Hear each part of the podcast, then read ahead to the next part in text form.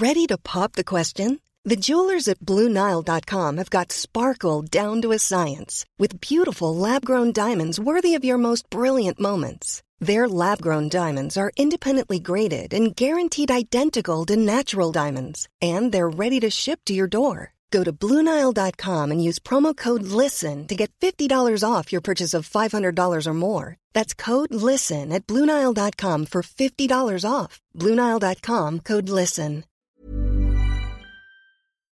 Ja, ska se nu. Ja, men kör då. Jag kan ta den här. Precis. Ja, men, men då kör vi igång. Du ser, då är det den. Den lät inte jättemycket nu. Det var vi får faktiskt samma på den sa vi. Oj, okej. Du hinner. Snabbt. Åh, okej! Där ja.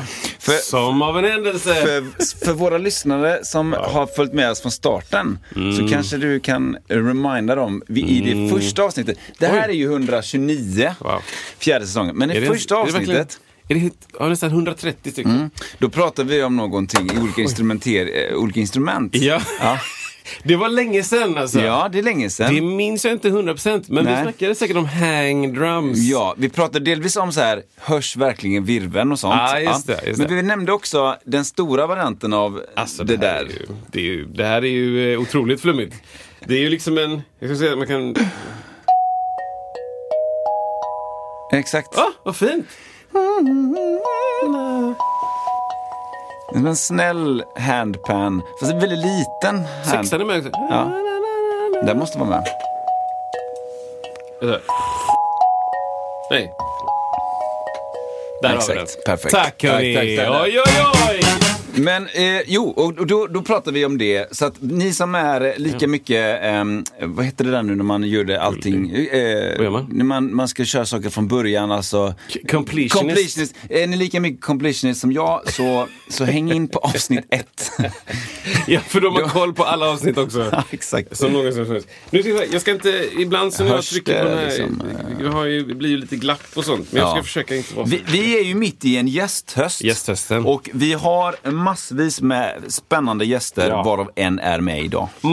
Vi ska alldeles Alldeles strax. strax avslöja detta magiska. Ja. Men innan det så ska vi säga eh, tack för att ni lyssnar. Ja. Vi startar med det idag tydligen. Eh, Absolut. Det här är otroligt att fortsätta få göra detta. Och ehm, en anledning till att jag gör detta är för att, eh, för att du är med. ja, vad roligt Kristoffer. Och eh, jag är väldigt glad att vi kan fortsätta. Ja, så tack. det är bra. Detsamma Kristoffer. Det, det är ett, ett bra tillfälle att ses, tycker jag. Ja. Ta en kaffe precis. och köta. Och köta. Och eh, ni som eh, lyssnar, eh, eh, lyssnar väldigt mycket från Sverige. Men... Har du tagit ut statistik nu? Men, Kristoffer. Ja, men följetong. Det här är sista sex månaden då. Vi kan väl bara, vad, vad, vad kan det, du läsa? Det jag tittar på här då, på mitt papper. Eh, det är en utskrift från Acast, Mm. alltså där, där podden liksom produceras, kan jag inte säga. Vad, vad ska man säga? Läggs upp, distribueras något. kanske. Ja, exakt. ja. Och då kan man se statistik, vilket är väldigt kul för en halvamerikan som mig, att få bara statistics. Men då kan man se liksom, procentuellt sett vart folk lyssnar. Vi har ju inga, eh, liksom, eh, inga eh, eh, nyheter här då att det är 92,27 procent Sverige. Nej. Så det, det är väl det. Men lite otippade grejer då, kan Mm. man säga så här då. Zambia. Ja, det är ofattbart. Hur, Det där är intressant.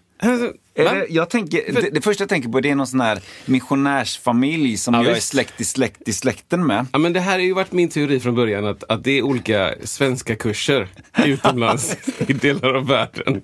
Så de, Ja. de har liksom hittat en, en, en, en fast talking svensk podd som de ska transkribera. Ja. Men det är liksom, där finns ju också, eh, jag säga, längst ner på listan är tråkigt, men mest, mest exklusiva på listan är ju Zambia. Mm. Och sen har vi då Kingdom, United Kingdom, Switzerland, Italy, alltså det är på engelska tydligen. Mm. Eh, Island, Kanada, eh, Australien, eh, Brasilien, två pers. Ja, det är lite otippat ändå. Så, här- så här har vi sagt innan, när det var Macau, Macau. vilket också är lite otippat. Verkligen. Om du är i Zambia eller i Brasilien och lyssnar på det här på din svenska kurs Ta en liten paus och så skriver du ett mejl till vad då Isak? Musiksnacket snabel A iwm.se. Ja, där har vi det. Gör det. MUSIKS, musik, ett, SE. Eh, Spanien också, 12 pers. Ni kan också alla höra av er tycker jag. Los Españolos. Så hit kan vi prata lite. Oväntat mycket ändå. Det är Ja, sista... men det, det kan ju vara så här, eh, vad heter de? Alltså typ Alicante, nej inte Alicante. Vad heter de här där det bor svenska typ? eh, El Salvador, eller så. Ställena? Ja, Städerna? Ja, kust, kustställen. Malla, Malaga? Nej, men där är Marbella? bara så här 40 000 svenskar köper lägenhet. Jaha, ja, Solkusten? Eller? Kan det vara det? Jag vet inte. Mm. Vi säger att det är det. så är det. Men eh, vi är glada för er alla. Eh, speciellt otippat. Tredje plats då av mest, eh, flest lyssnare. Eh, Indien. Alltså det är otroligt... Hur... Hur stor procent står det också där? Det är ju inte jättestor procent, men det är många. Alltså så här, det är ju då 1,16 procent. Ja.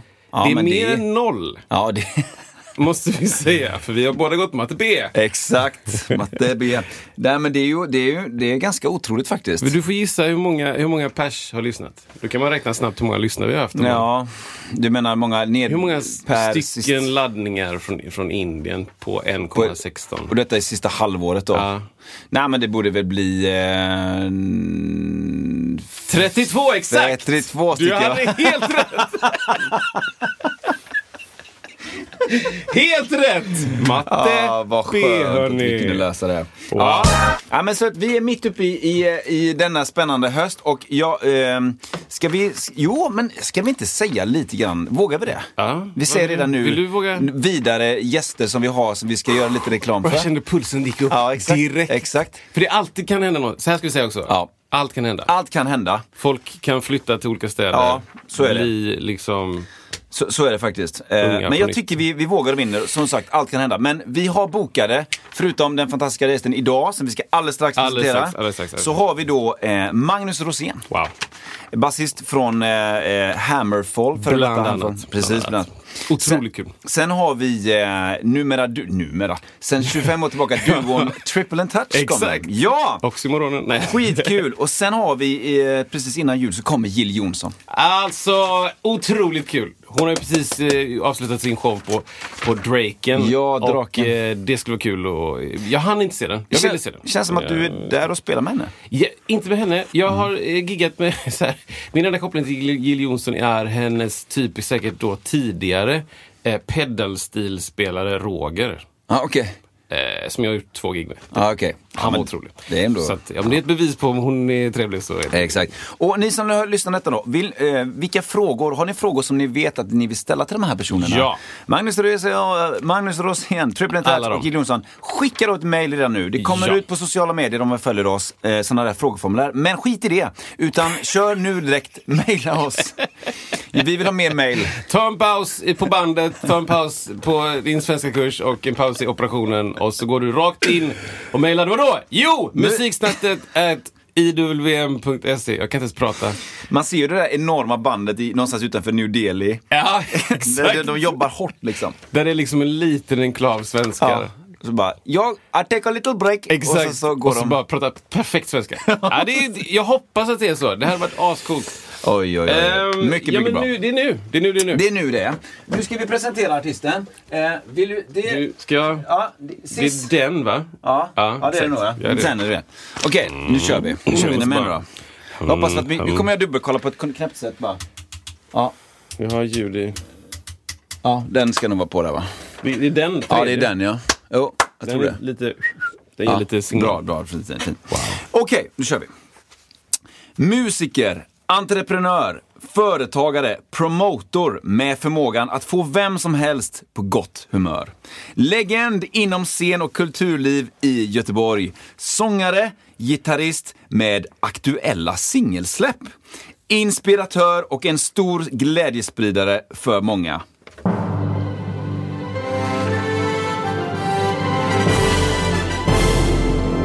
Musiksnacket presenterar stolt Eddie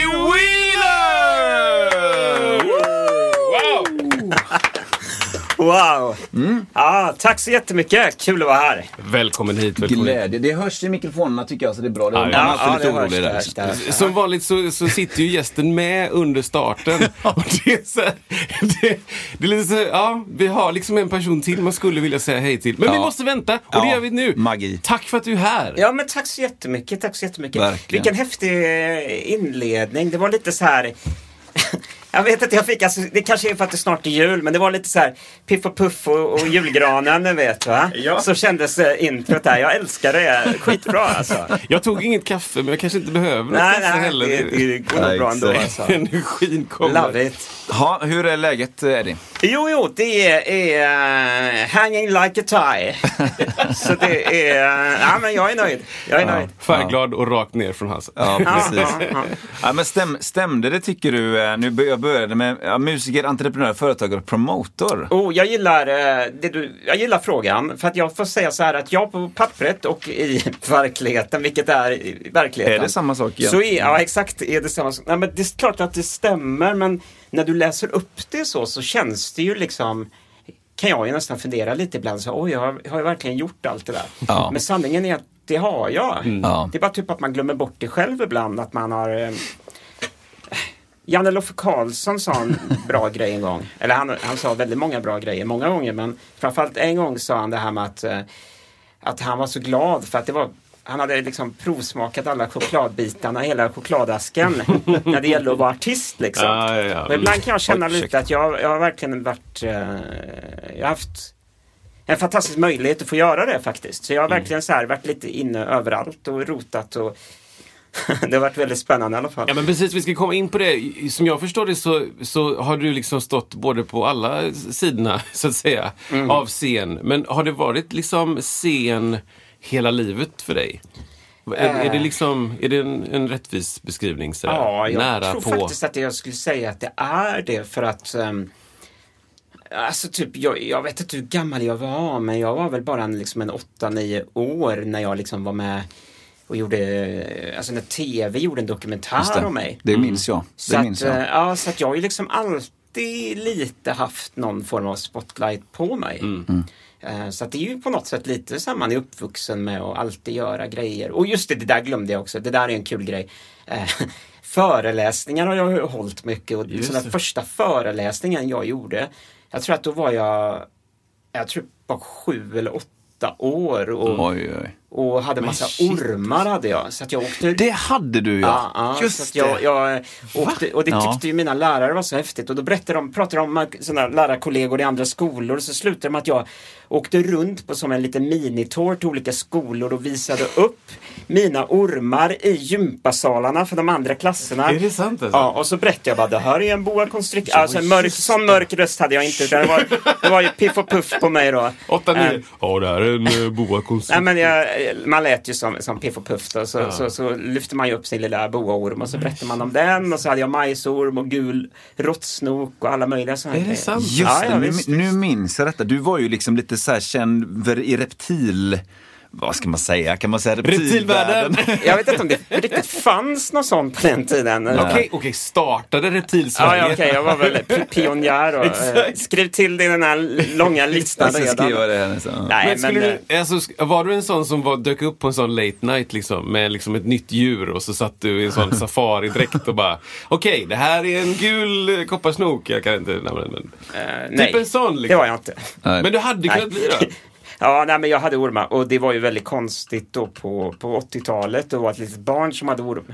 var ju väldigt, väldigt ovanligt. Det var ju ingen som, alltså det var ju väldigt, alltså det var ju nästan på gränsen till eh, halv, eh, alltså de, de var ju, det var ju liksom lite så här outsider-grej att Ja. att ha ormar på den tiden. Idag är det ju mycket mer liksom vanligare att ha udda Ja, djur. Men då det. var det verkligen konstigt att ha orm. Och speciellt då jag som var eh, knatte och hade orm och tyckte folk var helt sjukt. Alltså. Hur reste du med massa ormar då? Hur, Ja, jag hade en kulpåse jag la ner alla i bara.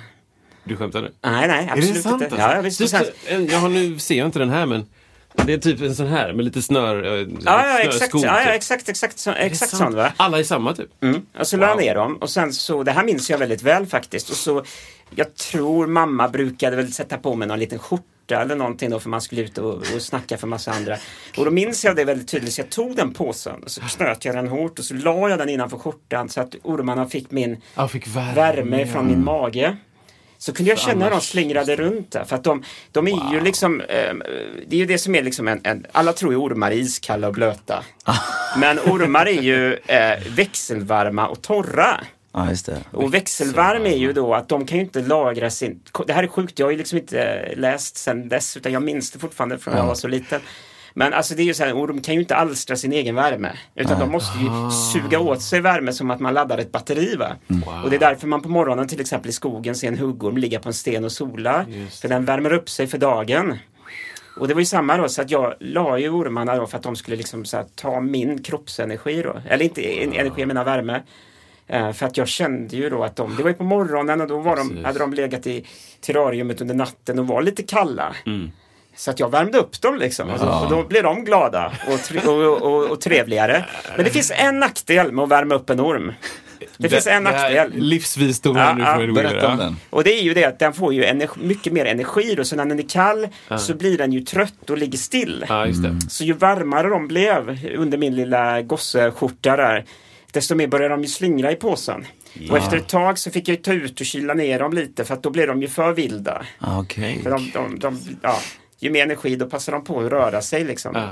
Bokstavligt talat för att smida när järnet är varmt om ni fattar vad jag menar alltså. Så det, det är ju så de är. Men De shit, små slingriga slangarna. för en som är helt oinvigd, hur farligt är det med de ormarna som du hade? Finns det någon alltså, fara? Det, nej, det gör det ju verkligen inte. De, eh, alltså jag hade ju kramormar då, eller liksom som, som, Ja, kry, hade- alltså, som kramar ihjäl sina Ah, byten. konstriktor. Exakt. Eh, och, och snokar är ju också sådana. De har ju inga tänder till Nej, exempel. nej. Ah, okej.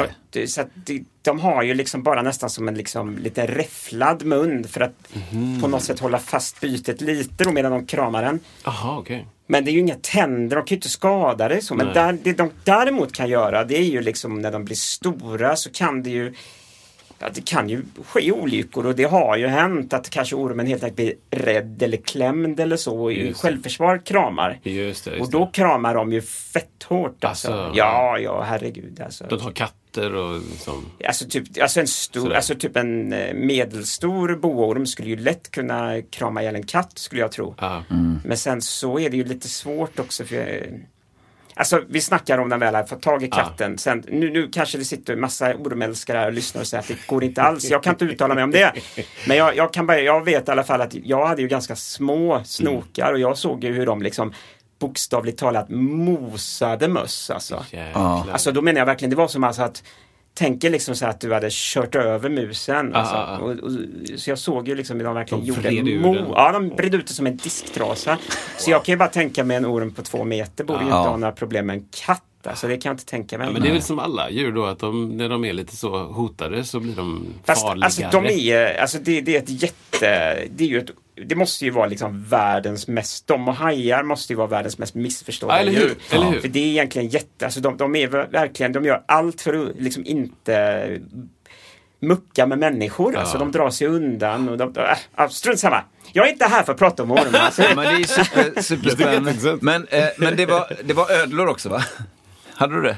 Ja det stämmer, jag hade ganska jag bara- många ödlor. För minne där. Men, men då, vad hände sen? För att, alltså, du, jag minns att du var rätt ung då. Det är Liksom. tidigt att stå på scen Ja. är det ju då. Liksom. Ja, Alltså, ja då var jag bara typ så här sju, åtta år. Alltså. Hur var Ja. det liksom? Ja, jag minns att jag tyckte det var hur kul som helst. Ja. Alltså, jag Det tyckte som- det var svinball. Det känns som att du har, alltså jag, jag har ju känt till dig under, ja det är ju 30, det är nästan 30. Vi behöver inte exakt Nej. säga årtalen och avslöja hur gamla vi är. Ja, jättelänge. Ja. Eh, sen har haft lite liksom, eh, sen har vi hörts ibland och så har det varit lite mindre ibland och sådär. Mm. Men, men jag har allt, alltid upplevt dig som väldigt orädd. Alltså just det här med att, alltså tänk alltså just prata om sådana grejer, stå på scen tidigt och sen, det känns som att du bara så här, för det har varit så mycket självklara Mm. grejer att, att göra sånt eller stå på scen eller Alltså till, till viss del så tror jag väl att det är lite så medfött är det väl såklart Ja. i min liksom, det är ju såklart lite jag har i mig på något sätt. Den fallenheten om man säger så. Men sen så ska jag väl erkänna nu i efterhand att, att jag har väl varit en del Alltså ibland har jag tyckt att det varit tufft och man har varit nervös och allting. Men jag har alltid liksom gjort någon sån här grej att jag Ja, Jag vet inte, det, det har varit lite någon sån här bungee grej för mig också. Ja. Så här, typ att varför hoppar man egentligen bungee jump? Liksom det, det jag tror inte så många egentligen bara kan svara på det rätt upp och ner utan man gör det bara för att det är någon slags jättesvår läskig grej och så när man övervinner det får man någon slags kick. Liksom. Jag tror lite så har det varit för mig också. Så, här, så att Ibland har jag känt så här, oj det här vågar jag inte så jag måste typ göra det. någon så här konstig... Ja, jag kan inte förklara det Nej, bättre. nej. Eh, Så, så ibland har jag känt så här innan man ska gå upp på scen och så här och ibland har det varit helt sjukt liksom när jag har varit Alltså när man ska gå upp och liksom prata för så här eh, 18 000 pers typ liksom och så här och man bara varför gör jag ens där? Och så går man upp och så gör man det. Sen när man kommer ner från scenen man bara wow det var det ballaste jag gjort. Det här vill jag göra igen liksom. Och sen står man där nästa gång och bara varför gör jag det här? Varför utsätter jag mig för det här? Och sen bara wow vad kul det var. Så det är en jättekonstig grej. Mm. Men det känns som att du, eh, det är i alla fall min upplevelse, att du, du, du har en förmåga att liksom få andra, du är som väldigt avslappnad. Eh, har du känt av det? Ja, men liksom att- alltså, det, det, det, det är svårt att... Jag fattar, det är svårt. För mig att sitta och säga det så, men, men det är klart att jag har hört en del folk som har tyckt att... Eh, ja, jag vet inte, som, som har gillat att höra på mina historier och det jag berättar. Ja, men ja. Det beror ju, alltså, Ja. vi, vi kan ju ta det med en gång. ehm, för att jag tycker ändå det är viktigt att poängtera. Mm. Jag glömmer själv konstigt nog bort det ibland. Men, men jag är ju född med en eh, funktionsvariation som är väldigt, väldigt ovanlig. Och det har ju gjort att jag har ju alltid på, liksom typ på ett eller annat sätt, det låter konstigt men, men jag har ju på ett eller annat sätt suttit i rullstol hela mitt liv. Eh, eller jag hade en period när jag var riktigt liten, jag gick ganska mycket med kryckor och sånt också. Så, här. men, men jag är ju liksom, rullstolen har ju varit mitt huvud sätt att ta mig fram liksom. Eh, Även och- från liksom under 7-8 när du höll på med skolgrejen och så? Eller? Alltså när jag var då med ormarna då, då, då satt jag ju i rullstol liksom, till exempel. Så att, eh, jag tror ju nu i efterhand så förstår ju jag också att fröknarna liksom hade väl också någon form av tanke att de tyckte Det var inte bara ormarna de tyckte var ball utan jag tror att de tyckte att det var häftigt också liksom att jag jag tror att de tyckte det var viktigt att andra barn såg mig och fick höra min historia, att jag berättade att, och, och att de såg att jag satt i rullstol så att de förstod liksom så här, typ att man inte är väldigt annorlunda bara för att man sitter i rullstol. Och det var ju väldigt genidrag för det funkade ju väldigt, väldigt bra för alla ungarna Alltså det är ju liksom så här, ormarna var ju den perfekta icebreakern. Liksom. Alla ungar kom ju fram efteråt liksom och pratade. Ja, och- och det var ju liksom ingen som så här tyckte Alltså rullstolen bleknade ju, för det var ju bara liksom, det var ju liksom bara ormarna som var det viktiga va? Om du hade varit så här, kan du inte komma och berätta, upp och berätta lite om din rullstol? Ja, exakt. Det kanske inte har lockat dig heller Nej, så exakt. mycket. Och det, det, det ironiska är att det är så fortfarande samhället ofta gör om man har en funktionsvariation. Ja. Så mitt tips till alla som sitter där med, och, och, och, i- som sitter ute där i rullstol och tycker att de borde bredda sina kompiskretsar, de borde skaffa ormar. Små då? Ja, eller stora. Eller och så går man ut med någon på stan. Och så, ja, nej, skämt åsido. Men eh, det, det, det var ju Ja. väldigt, väldigt grym grej och sådär. Men, men det var ju också så här, jag, jag insåg ju det ganska snabbt liksom att det, hand, det var ju också den här grejen att äh, Alltså det är jättekonstigt, man ska så här psykoanalysera sig själv på något sätt. Men om man får säga lite så här så tror jag väl att jag tror att jag väldigt tidigt på något sätt insåg, jag vet inte hur, men på något sätt så tror jag att jag insåg när jag var väldigt, väldigt liten faktiskt. Att hur mycket jag försöker vara som andra, klä mig som andra, prata som andra, tycka som andra, så kommer jag alltid sticka ut lite på något sätt. Och då tänkte jag så här, skiter jag i det, det är bättre att jag kör lite mitt eget race, för jag kommer liksom aldrig riktigt kunna vara som alla andra. Så det är lika bra att jag liksom gör mitt egna race på något sätt och bara liksom är, kör min grej liksom. Och, och det, det låter jättepretto att sitta och säga nu, men det är faktiskt sant. Jag tycker alltså. det låter jättehälsosamt. Jo, men det låter också så här, jag, jag tror många skulle ifrågasätta typ att en femåring skulle kunna liksom tänka på det viset. Jag tror folk inte skulle tro mig, men det är faktiskt lite sant. att Det här är ju ingenting jag såklart kunde sätta ord på då, det är knappt att jag kan det nu, men jag tror att jag hade den känslan på något sätt att jag måste liksom bara köra mitt race, för liksom jag kommer aldrig, folk kommer alltid titta lite på mig, även om jag liksom har precis kläder som alla andra så kommer Ja. folk ändå se att jag är annorlunda för jag sitter i rullstol. Ja. Och då måste jag liksom så på något sätt så här bygga på min egen eh, resa på något Ja, sätt. exakt. Eh, och det, det, det beslutet kan jag ändå med handen på hjärtat säga att det tog jag när jag var väldigt liten. Och det, det här med ormarna var ju en sån grej att jag jag tyckte ormar var ball och då skulle jag ha en orm, så enkelt Ja. var det. liksom. Så här, så här. Ja. Det är ju grymt, för det är ju liksom, jag, jag tänker att det, det inte skiljer sig så mycket från min bana heller. Liksom. Att man, man hittar någonting som man ehm, kanske är bra på eller intresserad av och så gör man det till sin passion. Liksom. Det, är, ju- det, det tror jag är liksom grunden för många som sysslar med musik också. Ja. Att man tar, man tar det till sig. Oj, okej, här hade jag lite extra engagemang i det här. Nu bygger jag lite runt det liksom, och sen så utvecklas det till, till den person jag blir. Liksom. Det låter superhälsosamt. Höll du på med musik, musik? Ja, verkligen. Höll du på med något med musik då, alltså när du var i den åldern, alltså yngre? Ja, både ja och nej får man väl säga. Men, alltså, grejen var ju det att jag, jag började ju eh, jag började spela piano Ja. i eh, den här kommunala musikskolan. Liksom. Och det, det gjorde jag väl när jag kanske gick i trean eller någonting. Började jag med det. Vad snackar vi för del av Sverige? Partille. Ja, ja det är ju... Det är eh, Partille kommun. Ja, Partille. Partille kommun. Vi bodde ju väldigt nära varandra jag och Eddie, Ja, det är så. back in the days. Ja. Men, Sävedalen. Precis, vi ska inte, vi ska inte liksom annonsera åldrar och så, men undrar om det finns någon lärare som man kände som jobbade där på kulturskolan? Jo, men det, det tror jag att det gjorde. Jag det tror så? att eh, eventuellt Jan Corneliusson jobbade där. Kan det stämma? Vet du vem det är? Det vet jag faktiskt inte. Han jobbade där. Kent Helgesson jobbade där då. Ah, okej. Mm. Vi är ju samma årgång, alla vi tre. Just det. Ja, utan att säga för mycket. Ja, men jag gillar det här. Den bästa årgången kanske. Alltså. Men, ja, men vad intressant. För, vad gick du för gymnasierinriktning? Ja, Jag gick ju bara, alltså det är väl den mest plain utbildningen man kunde gå då. Ja. Alltså det var ju så här samhäll, samhäll. Samhäll, samhäll. samhäll. Det var ju liksom så här, eh, jag vet inte efteråt vad det var. Men eh, Det var så brett så att man Ja, inte. Ja. Fast då, då, då började jag i alla fall, eh, då började jag gå hos en privatlärare och lära mig spela gitarr. Just det. Gjorde jag. Men, men om man säger så här, alltså att musiken för mig blev ju också en väldigt, väldigt, väldigt stark drivkraft och passion väldigt tidigt. Eh, Jag låg ju på sjukhus väldigt mycket när jag var liten.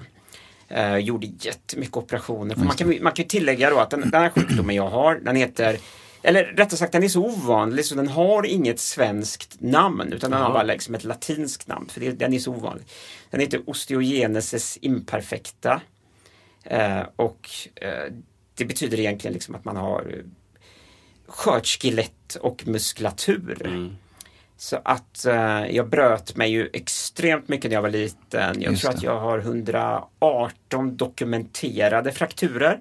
Wow. Sen har jag säkert liksom ett gäng tjog eh, odokumenterade frakturer. Wow. Eh, och Och sprickor och sånt. Och Ja, ja, det är liksom. oräkneligt alltså med, med Wow, typ så här eh, stukningar och allt sånt där. Så att jag hade var på sjukhus jättemycket och det var ju liksom så andra obehagliga bieffekter om man var skörskelett förutom att man bröt sig hela tiden. Och det var ju liksom att benen när man växte, liksom att, att benen verkligen liksom så här musklerna kunde liksom böja benen liksom. Alltså att Ja, det visste jag. Alltså liksom musklerna är starkare än skelettet så de liksom Ah. bänder så att det blir Ja. så här snedställningar. Benen växer snett, man bryter sig, det läker lite fel. Alltså massa obehagliga grejer. Så jag var ju inne på sjukhus och de, de satt ja, hela tiden liksom. Mm. De satte ju spikar och, och borrade i ben och märg Mm. bokstavligt talat hela tiden.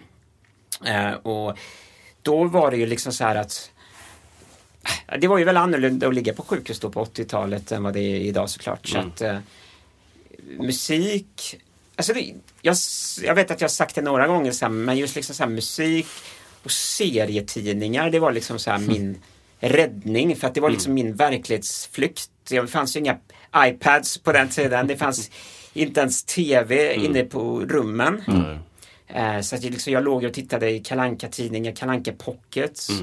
Eh, och så lyssnade jag på min Walkman. Jag hade en gul Walkman med Jajamän. hem, Ja, ja, ja. med såna hemska headphones. Ah, ni vet, med där med metall. håret, ja, med metallgrejen där Ah, håret alltid fastnade. Så man drog alltid av sig lite hår varje gång man tog av dem. Som en tungskrapa. Ja, ja, det var exakt. så den ser ut. Bara, Varje gång så drog den av lite hår. Det var hur sjukt alltså.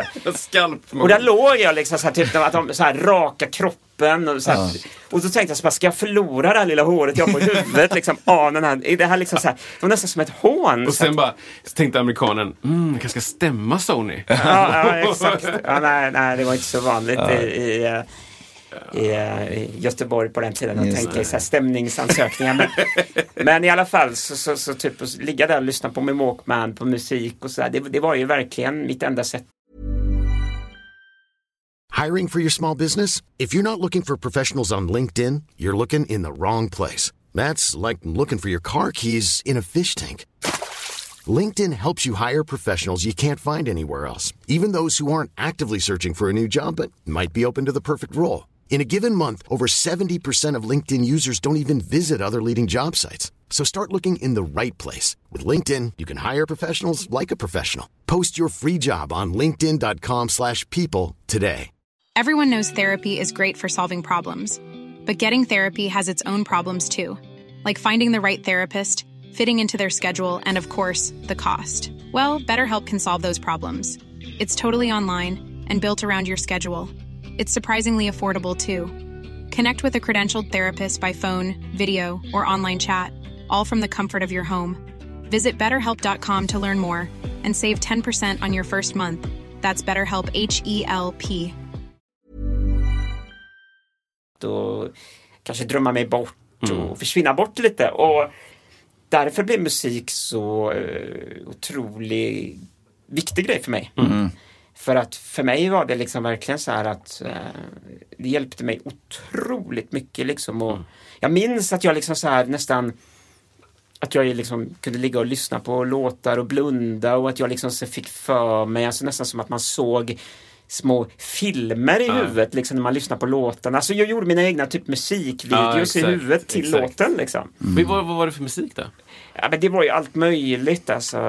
Alltså det var verkligen, men det, då var det mycket radiogrejer bara. Det, det som gick. liksom, som var populärt. Men då var det ju så, alltså inte för att vara sån, för det släpps ju svinmycket bra musik idag, men, men det var ju, jag kan ju tycka att det var liksom mer Kanske var för att man var yngre och hade den fantasin, men jag tyckte musiken var så mycket mer teatralisk på den tiden. Alltså det var liksom, det gick och lättare att leva sig in i den. Ja. Den var så mycket mer eh, filmisk på något sätt. Och, Fast det kanske är bara min, att, att jag var ett barn med väldigt livlig fantasi. Men, men det är så jag upplevde det liksom, på något Ja. sätt. Så här. Jag, jag hade väldigt lätt att så här blunda bara drömma mig bort i låtarna. Liksom. Jo, men jag kan känna igen det. Alltså, jag, jag, jag hade en, en skiva som jag lyssnade på när jag läste en bok som blev liksom soundtracket för den boken. Och det var liksom en, det är ett band från, eh, från Danmark som heter Dismiss Lizzy. Som har släppt låtar på 90-talet liksom. Och det är så här lite, för mig då som inte kan den världen, lite punkigt, lite rockigt, lite så här. Ja. Eh, och, och det är, så här, långa sjok, liksom, en och en halv minut av bara, liksom, bara instrumentalt, ingen sång, ingenting. Och det blev soundtracket för hela den här boken. Den här skivan gick liksom om och om, om, om, om igen. Liksom. Och det, det, det upplever jag inte idag, att man har råd med. Att ha Nej. långa partier, partier utan sång. Ja. Det är väldigt viktigt, liksom, artisten är i fokus väldigt mycket känns det som. Att det är väldigt viktigt vem som gör det. Och, Ja, nu- men det är väl det liksom att eh, jag vill inte liksom säga, jag ska inte sitta, alltså alla är ju färgade av sin tid liksom och, och när man ja, har man varit med från 80-talet så börjar man ju bli lite gubbig nu. Och då, kan, då tycker man ju liksom så här, det var bättre förr. Men ärligt talat, jag, jag tror faktiskt att, att idag tror jag mer Idag är musiken mer, alltså typ, det är liksom, man tänker mer varumärke, alltså musiken Ja, handlar ja. mycket kanske som ett det är liksom en produkt för att, att, att varumärka en artist. Medan då kanske, alltså musiken, klart att det fanns artister, jag menar ta som Madonna och sådana som var väldigt kopplade till sina låtar. Men det fanns ändå en möjlighet tror jag att sp- spelas ganska mycket på radio och musiken stod väldigt för sig själv. Jag tänker till exempel på eh, Lionel Richie och sådana. Liksom, så här, där, där är ju musiken väldigt, alltså det är ingen som tänker kanske på på honom så som en liksom, varumärke utan det är ju låtarna Men också att musik, musiken... separerade liksom. Ja. Den liksom, liksom, tänker jag också producerades för, just på 80-talet, för att göra en video också. Ja. Att du, du liksom tänkte på det att okej, det här ska passa till en video. Så det ska, det ska ändå vara ett bildmaterial till och då, och då videos, då kanske nu också, men då var det ju, tycker jag, väldigt mycket så story Liksom, en liten kort berättelse. Ja, liksom. En ensam, ensam tjej eh, liksom, säger nej till en kille och sen så blir de tillsammans. Världens enklaste story. Ja, men det funkar. Kille, kille, nej, tjej, nej, sen kille, ja, kill, tjej, ja. Typ så. Ja, ja, det det är liksom ja. enkelt narrativ från sådana Ja. musikvideos. Att, att, att det, var, det var det man byggde. Ja, men då, då, då tänker jag det när jag producerar låten att, att jag har ett par, parti på 30 sekunder med en liten melodi, kanske Mm. svagt, och något så här jagande. Och så kan man, bra, då har vi musikvideo, en del av musikvideon klar. Då Ja. kan vi bara liksom, Ja. lägg någon vy på det här. exakt, exakt. Ja, men intressant alltså. Men, men vad hände sen? Jag tänker när du var runt så 20 och uppåt där. Jag tänker liksom första delen av den här entreprenörsbanan som du också har gått parallellt. Vad, vad, vad, Ja, alltså den, vad- den kom väl, eh, hela den grejen kom lite märkligt för att man, man kan väl säga min, min bana var väl då liksom att jag började spela gitarr på gymnasiet och det var väl Ja. mest det liksom att gitarr var ju Alltså det var ju smidigare då. Alltså nu, i, idag är ju mer musik egentligen pianobaserad skulle jag säga. Liksom. Men då var ju liksom gitarren, alltså det var ju gitarrband som var ja. det populäraste och det coolaste. Och det var ju också så här, det var enklare, man, man var på fester och man tog med sig en gitarr och det, det var liksom så. Så jag började spela det och så eh, började jag ju göra mina låtar och så efter gymnasiet började jag ut och spela. Alltså sjukt mycket. Alltså, jag, jag, jag var ute och gigga hur mycket som helst. Men jag hade, det här är så konstigt så här, för att jag, jag hade så lätt att få spelningar typ på många ställen men jag hade ganska jag, jag- märkte liksom att jag hade svårare att ta mig fram just i Göteborg och de områden där folk kände mig. Jag kände att jag inte riktigt fick samma chans som många andra artister. Eh, och sen så la jag ihop två och två och så insåg jag ju liksom att mycket, mycket handlade ju om att när jag liksom mejlade utomlands, det ska tilläggas liksom att jag det här var ju liksom på MySpace-tiden liksom. Just det. Just Eh, det. och då var jag alltså ute, då hade jag inget skiv, alltså då, då fattade inte jag det men nu är jag ju liksom svinstolt över det. Jag åkte ju liksom på Englandsturnéer liksom och var ute i Europa och turnerade. Jag hade inget skivbolag, jag hade inget bokningsbolag, ingenting. Eh, det enda jag hade var liksom så här, jag hotmailade ut länkar till MySpace och fick spelningar runt om i Europa liksom. Wow. Eh, och jag gick ju alltså plus minus noll och ganska ofta till och med lite minus. Men jag sket i det för jag såg ju det som att det var världens häftigaste semester eller utflykt. Liksom. Ja. Så jag såg, för mig var det liksom investeringar för jag lärde mig så mycket. Men det var så bisarrt liksom att jag var så i London och giggade och åkte runt och så kunde jag liksom inte ens få en spelning på en sunkig pub i Göteborg. Nej, liksom. exakt. Ja. Men då förstod jag att det berodde mycket på att folk visste vem jag var här och då började folk tänka på att ah, han är i rullstol, ah, det blir svårt han kommer inte komma upp på vår scen och det kommer bli pinsamt och vad kommer hända då? Vad, tänk om han blir arg för han inte kommer upp på scenen? Alltså det var så mycket folk jag, jag upplevde liksom att många gick in i min sfär och tog beslut åt mig utan att fråga mig ens. Tycker du det här är ett problem? Eh, vad skulle hända om det blir så här? Skulle du tycka det här var ett problem? Liksom? Det var aldrig någon som frågade utan istället så tog man konstiga beslut utan att prata med mig. För att det är det lättaste. Ja, det Antagligen. är klart att det är lätt, absolut lättast men Det- också för att det finns någon slags konflikträdsla, Ja, en, här, eh, rädsla till att det eventuellt blir en Ja, konflikt exakt. i Sverige. Att eh, man är rädd att någon ska bli sur och man är rädd så här. Och jag hade jätteproblem och, och jag tyckte att det var liksom lite eh, orättvist faktiskt. För jag hade många kompisar som jag tyckte till och med Jag tyckte liksom så här, jag höll precis samma klass som dem och en del kanske jag tyckte, det är taskigt att säga kanske, men jag tyckte till och med att jag var bättre än vissa. Och ändå fick jag inte samma chans att Nej. spela och så här. Och det var en, nu, en lång historia men nu är, kommer vi liksom på sluttampen här. Det jag vill säga med Kör den här på. långa utläggningen är just att det, jag fick bli min egna entreprenör faktiskt Mm. för att det var så det hela började egentligen med att jag började eh, jag gick helt, enk- he- helt enkelt in och abonnerade klubbar där jag ville spela på. För jag tröttnade på att ingen ville boka mig så då gick jag in och abonnerade istället. Och så, Alltså under en längre period? Nej? Nej, alltså Du typ, hyrde nej det, jag, menar ja, du? jag hyrde det liksom typ en kväll. Ja. Eh, ja, typ i början en gång i månaden kanske. Så hyrde jag det liksom och så bokade jag några band och så bokade jag mig själv. Det var mitt enda sätt att få spela där. Coolt. Och sen så bara, ra- eh, alltså det, det rullade på så otroligt alltså för att det var så många som eh, letade efter spelställen på den tiden. Så till slut så bara, det bara blev mer och mer och jag kunde inte hantera det. Så att jag plockade in några kompisar. Eh, framför allt eh, Eh, framförallt eh, en god vän till mig eh, och vi började liksom tillsammans då mer organisera klubbar liksom.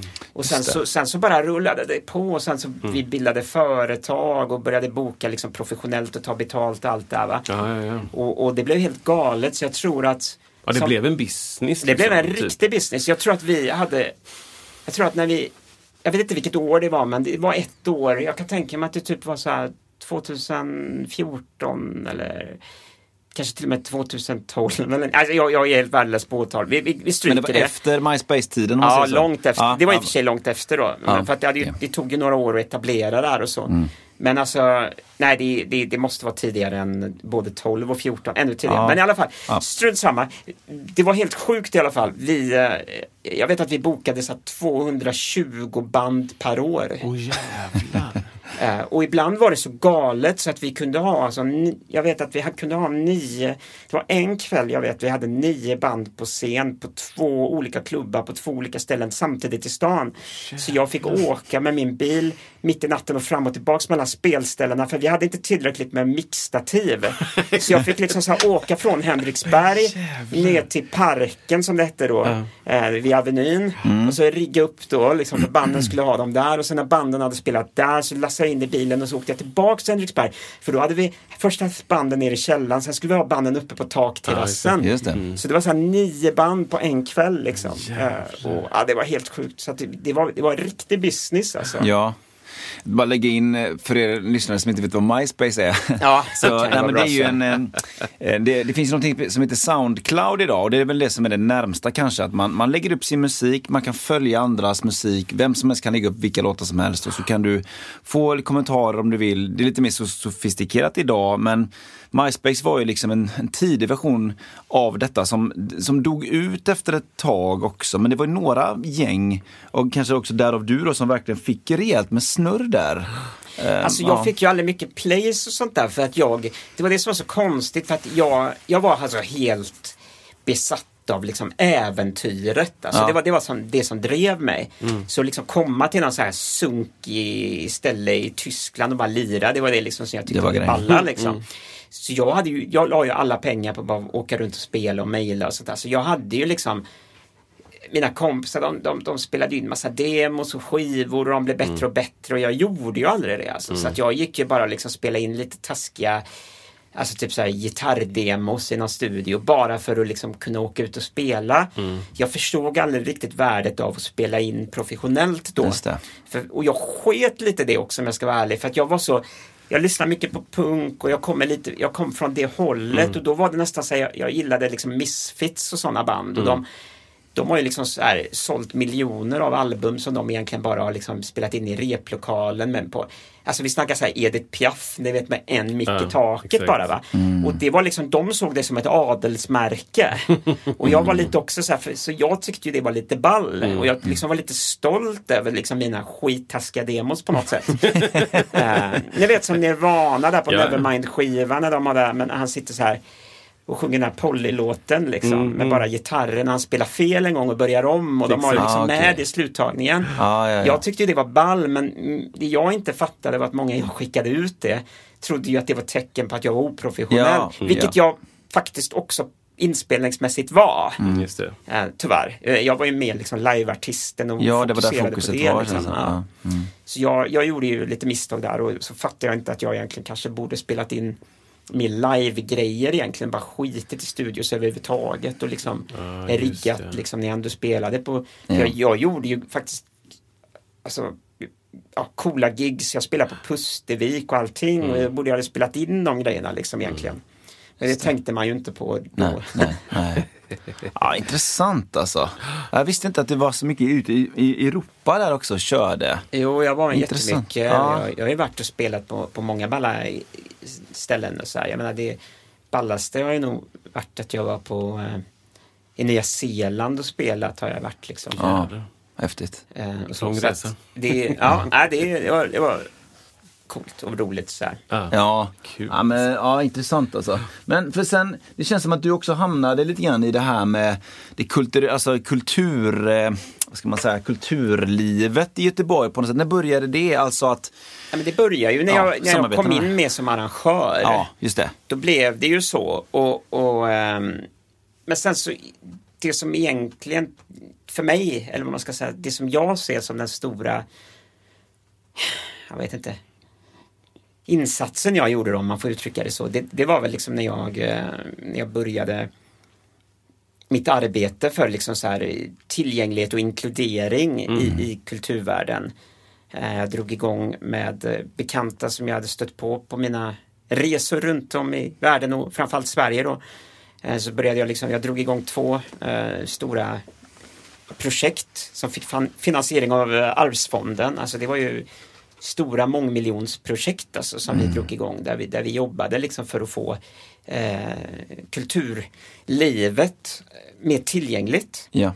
För att det var ju en grej jag hade stött på mycket och jag liksom Det tog mig också faktiskt konstigt nog ganska lång tid att inse men, men det var ju liksom när jag hade varit ute och giggat svinmycket så insåg jag bara liksom ändå att Oj, nu har jag varit ute och gjort så många spelningar här, men jag har liksom inte sett en enda person som har suttit i rullstol på någon, något gig liksom. Mm, okej. Och då tänkte man så här, ja men det är kanske inte så konstigt för vänta lite nu spelar jag på den svartklubben eh, och det var långt ner i en källare och sen spelade jag på den där stället, ja just det, det var uppe på en vind. och sen spelade jag på det här stället och det var ute i en garden party grej och just så insåg jag bara, men tjena, liksom alla spelställen är ju svinotillgängliga egentligen. Ja, exakt.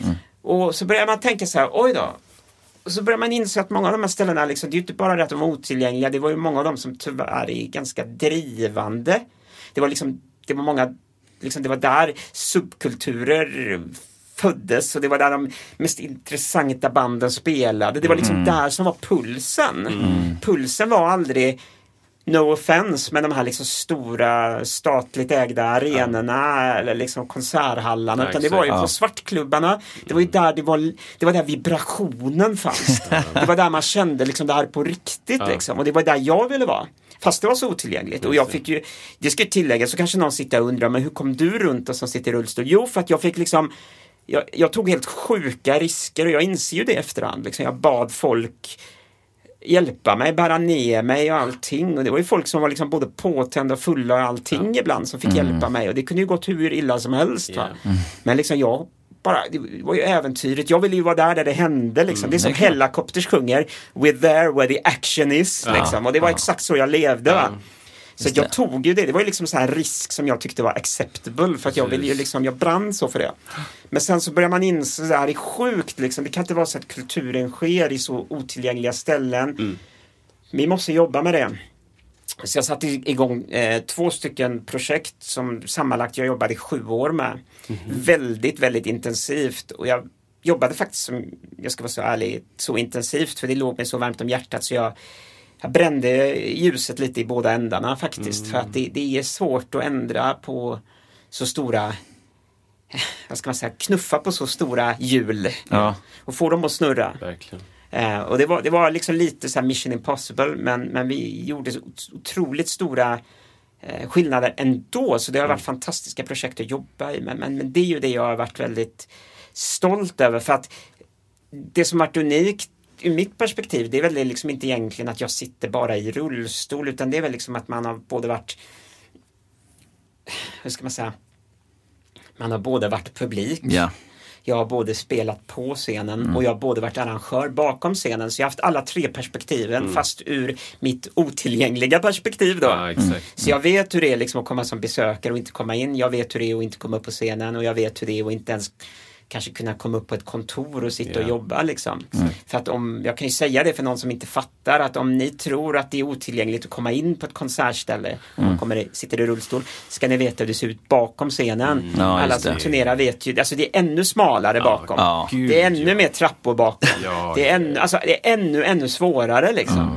och så här, typ att, eh, alltså bara så här sjuka grejer. Jag, alltså jag har ju fått göra väldigt mycket. Jag har fått utsätta mig för många saker som inte andra behöver göra. Jag menar liksom, jag, det har hänt mig liksom flera gånger att jag har krypit upp på scen och så har jag liksom satt mig uppe i rullstolen på scenen.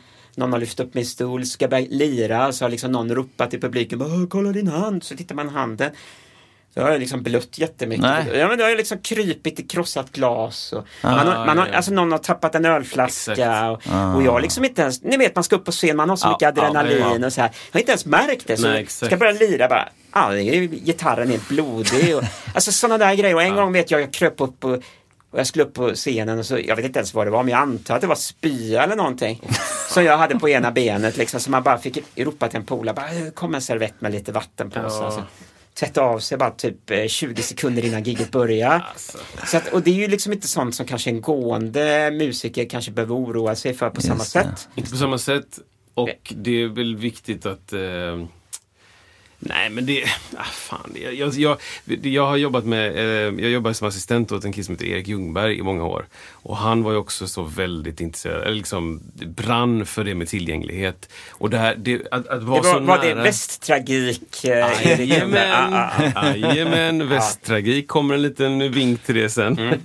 Nej, men eh, och, och då, det var liksom, alltså att vara så nära en person under så många år som upplever de här sakerna, Mm. det, det gjorde det så himla tydligt. Liksom. Mm. Hur vi fick resa runt med ramp och försöka ta oss in. Och, och han hade en ganska tung stol liksom, och vi skulle, liksom, ibland var det för smala eh, dörrar, ibland var det för många trappsteg. Ibland, det, var, det var så jäkla mycket som var tvunget att bara så här det handlade, för honom så var det tror jag mycket mindset liksom. Ja. Jag ska in här. Jo, jo det, det, det måste man ju ha. Eh, faktiskt tyvärr. Och Ja. speciellt, alltså, jag, jag skulle säga musikbranschen och hålla på med kultur och musik överlag är svårt för vem som helst. Eh, och jag menar ärligt talat om man kollar med de flesta arrangörer så här Alltså det, det är ju, alltså typ med, när det gäller med att vara utbränd och ditten och datten och man jobbar med, med tuffa ekonomiska budgetar och allt. Alltså det är ju jättehögt bland alla som håller på med kultur. Ja. Ehm, och, eh, men, men dessutom och, och, ehm, men dessutom då om man har liksom en funktionsvariation kan jag uppleva att det är ännu större uppförsbacke. Så det är ju en väldigt otillgänglig bransch och värld att vara i, vilket är väldigt ironiskt på ett sätt. För att om man frågar väldigt många arrangörer, vilket jag har gjort, så jag har alltså statistik på det här. Men när man frågar väldigt många arrangörer vad som är deras drivkraft att arrangera offentliga event så säger nästan alla samma saker. Det är för att jag vill skapa mötesplatser. ja, det kan Ah, tänka ja. Och det är det som är ironin då, att man skapar Ja. mötesplatser Ja. men man gör inte tillgängliga mötesplatser för alla. Och det handlar inte om att folk är liksom funkofober eller taskiga eller något sånt, utan det handlar om Mm. att man bara inte tänker på det. Och det handlar ibland ibland om att man inte helt enkelt har möjlighet. Och jag ska faktiskt få the record erkänna, och det gör jag med stolthet också, liksom, för jag, jag säger det bara rätt upp och ner att Alltså, Alltså stolthet var nog ett fel ordval. Jag får ta tillbaka det ordvalet. Men, men jag gör det utan, utan att liksom skämmas för det då, kan man väl säga. Att jag har tyvärr tvingats också arrangera mina egna gigs på ställen som har varit otillgängliga. alltså, just det. och, och när jag var egen företagare så tvingades jag arrangera på ställen där jag till och med fick be folk att bära mig upp för trappor. För att det var det enda mitt företags budget hade råd att hyra. Just det. Eh, och så jag, det är inte så att jag sitter och dissar alla utan jag fattar vilka ekonomiska utmaningar det är ibland. Och alla har inte möjligheten att hyra liksom så här stora teatern eller sånt. Liksom. Jag fattar det. Men, men gjorde inte du ganska nyss att du skulle upp på scen och prata om tillgänglighet på ett ställe? Alltså det var därför du var där och att det inte fanns tillgänglighet. Du kom inte... Det, ja, det, var det. Och, det blev lite medialt så, så, det. alltså, sånt händer jätteofta. Det är Ja. helt sjukt alltså. Ja. Jag vet att det hände eh, Anders eh, på GIL Westgärd när han skulle prata om, en, om, om tillgänglighet på Bokmässan. Ja. Mig hände det när jag Ja, var alltså, i, en, det. i en kommunal, alltså det här är så sjukt. Jag kom till alltså en kommunalt ägd lokal och skulle prata för en kommun om vikten av tillgänglighet. Och jag kom inte in i varken huset eller scenen. Ja, där är... Eh, Wow, och, alltså. och det är så sjukt då liksom. Och då, då, det är ju så nice egentligen, för egentligen hade jag bara kunnat sagt Alright, som ni ser kommer jag inte in. Nej. Tack för mig, ha det gött allihopa. Skicka Ja. fakturan. Ni vet va. men, nej, men jag körde ju såklart ändå. Men, men, men det är ju Ja, väldigt, det är väldigt sjukt sådär liksom. Men det är ju samma där, alltså ingen gick ju dit för att liksom så här, alla, all, det var ju ingen som gick dit och bara Oj, hur ska det här gå? För han kom ju inte upp på scenen. För det handlar om att ingen tänker på det. Nej, precis. nej. Och när jag kommer dit, bara, alla bara, men vänta lite, det är ju trappor in här, det har vi aldrig tänkt på. Nej. Aldrig tänkt på det. Aldrig tänkt på det. Så det kanske blev en... eh, Det blir ju ögonöppnare. Ja, ändå då. Ja, Liksom, det blir det ju trots- verkligen. Men, men det är det som är så knasigt och jag tror att det är också det som är det är så... Men du har, har du, känner du liksom, eller om jag tolkar det, känner du att du har, du har så en fot i båda världarna då på något sätt? Liksom att det är så här, ja ja, okej jag, jag förstår att, att eh, människor inte tänker på det, men alla borde tänka på det typ. Alltså så här, Ja, ja, absolut. Att de absolut. två lever samtidigt Ja, ja. liksom. Och sen ska jag, det är ju det som har varit så lärorikt då när jag har jobbat i det här eh, projektet med tillgänglighet. För det ska jag till, tillägga då att det handlar inte bara om där man sitter i rullstol och, och det utan alltså det finns många andra funktionsvariationer. Oj, nu slog jag till Ja, micken här. Eh, det finns många andra funktionsvariationer där, man- där som har nästan ibland ännu större utmaningar och, och eh, ja, gå på konsert och så här. Det finns många som lever med psykisk ohälsa. Man kanske vill gå ut, man har ångestattacker och svårt att vistas bland, på högljudda ställen där det är mycket folk. Det är ett jättehandikapp alltså. Just det. Är det Eh, trångt, Ja, eller- ja visst. Och, och, och vi jobbade mycket med det och, och, och det hände att jag gjorde andra misstag. Precis som det finns folk som glömmer rullstolsrampen så glömde jag ibland faktiskt hur det är att komma på eventen, kanske om man är blind eller döv. Eller. Exakt. Jag har också gjort jättemycket misstag så det är ju liksom, det är ju en mänsklig grej att fela men det som inte är okej det är ju det där man inte vill lära sig, man inte vill ändra sig för att jag jag blev ju glad då. är väl också ett starkt ord, men, men jag uppskattade ju att folk sa till mig att det här får man göra bättre och så. Jag uppskattar ju det, för det gjorde ju att projektet blev bättre och att Ja. jag blev, förstod mer. Men det jag inte gillar är när liksom stora arrangörer går in och säger att man har fel.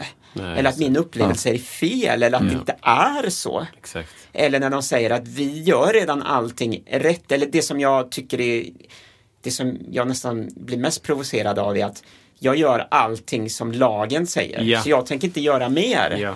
Ja. Nej men just nu är lagen, och det säger alla liksom som lever med de här, den här, de här problemen, liksom, att lagen är inte riktigt där än. Nej, nej. Liksom, eller vad man ska säga, vi är inte där, samhället ser inte ut så som som lagen, alltså det är inte synkat än, så kan man säga. Vi har en lag, ja men det betyder inte att samhället är lika tillgängligt som lagen säger att samhället ska Precis. vara. Vi är inte där än. Jag minns att det var liksom så här, det, det finns liksom en lag om att det ska, tillgänglighet ska vara för alla. Jo. Men det finns liksom ingen skyldighet sen. Nej exakt, det Eller finns någon liksom egentligen ingen som kollar typ. upp det och det finns liksom ingen, alltså det, exakt det är liksom ingen som Det är precis som att säga så här, det är olagligt att köra över 70 på en 70-väg. Fast det. det finns ingen polis eller Nej, fartkameror i hela landet. Exakt så. Så det är lite så det fungerar, att det är egentligen Mm. ingen som det finns liksom ingen myndighet på det sättet som kollar upp. Du kan anmäla det och då måste, då måste man kolla upp det. Men det är liksom, det är ganska tandlöst, så Ja, kan man väl exakt, säga. Va? exakt. Alltså, och det får, ja, men jag vill inte eh, snacka för mycket om det nu, utan eh, jag, eh, ja, för det är en helt annan historia. Men, Men, men Ja. får bara fråga, Ja. vad tycker du ingår då i paketet tillgänglighet? Ja, om, man nu, om man nu skulle prata om scen då, om man nu pratar om kulturlivet då, bara för att det är ball. Liksom, Ja. Vad skulle du säga ingår i det som man lätt, det är lätt för, för många kanske tänker, ja ah, det ska vara en ramp liksom. Ja, men, för det känns som att det är mycket mer grejer. Mm. ja, alltså, jag kan bara kortfattat Ja. säga, alltså, vi, vi kör en sista grej så släpper vi den sen då. Ja, då ska jag säga så här att, att när vi startade ett av de här eh, projekten då så var vi en eh, stor arbetsgrupp där alla var kulturutövare och eh, funkisar helt enkelt. Alla hade någon funktionsvariation och var kulturskapare, kulturutövare. Och det vi kom fram till ganska snart när vi satt och pratade var att det vi tyckte alla hade, var överens att det som var mest exkluderande och det som gjorde att man inte ville gå tillbaks till ett ställe där man tyckte att det var mest eh, otillgängligt, det var när man hade blivit dåligt bemött. Ja, det. Mm. Och det var det som vi tyckte var så intressant. Eh, för att eh, om en Liksom, om det är lite för, för brant ramp och så, det, det är väldigt sällan någon sätter sig ner och skriver en arg recension Nej, på just det. Google där, utan det man gör är när man blir dåligt bemött, när man blir kränkt, Ja, det är då folk går in. Och här kommer det fina i kråksången för att bemötande är ju något som inte kostar pengar. Exakt. Ja. Så det, jag ska jag kan säga det liksom till alla som håller på att skapa kultur där ute. Jobba på bemötandet, att man är välkomnande, man har förståelse. Man kanske måste till och med tumma på lite grejer för att hjälpa besökarna då, som har Exakt. lite speciella behov. Då. Och att man jobbar på ett schysst bemötande, för det är där hemligheten ligger. För att om, det spelar ingen roll, det finns arenor i ja, både, jag vet liksom som jag har hört några av de största arenorna i Sverige men som tyvärr har ganska tråkigt bemötande många gånger. Yeah. Och då är det så att det finns väldigt många som har funktionsvariation som väljer bort de arenorna Yeah. bara för man blir tråkigt bemött. Kontra jag har varit på svartklubbar i Göteborg som är otillgängliga. Där jag ändå har sett folk i permobil rulla runt. Liksom. Bara för att de blir schysst bemötta, man känner sig inkluderad, Yeah. man känner sig att man är en respekterad betalande gäst. Eh, Så det handlar väldigt mycket om bemötande. Ja. Det, det, det, där måste man nog börja i första hand tycker jag. Man måste börja kolla liksom, på Ja, ja. hur bemötandet är.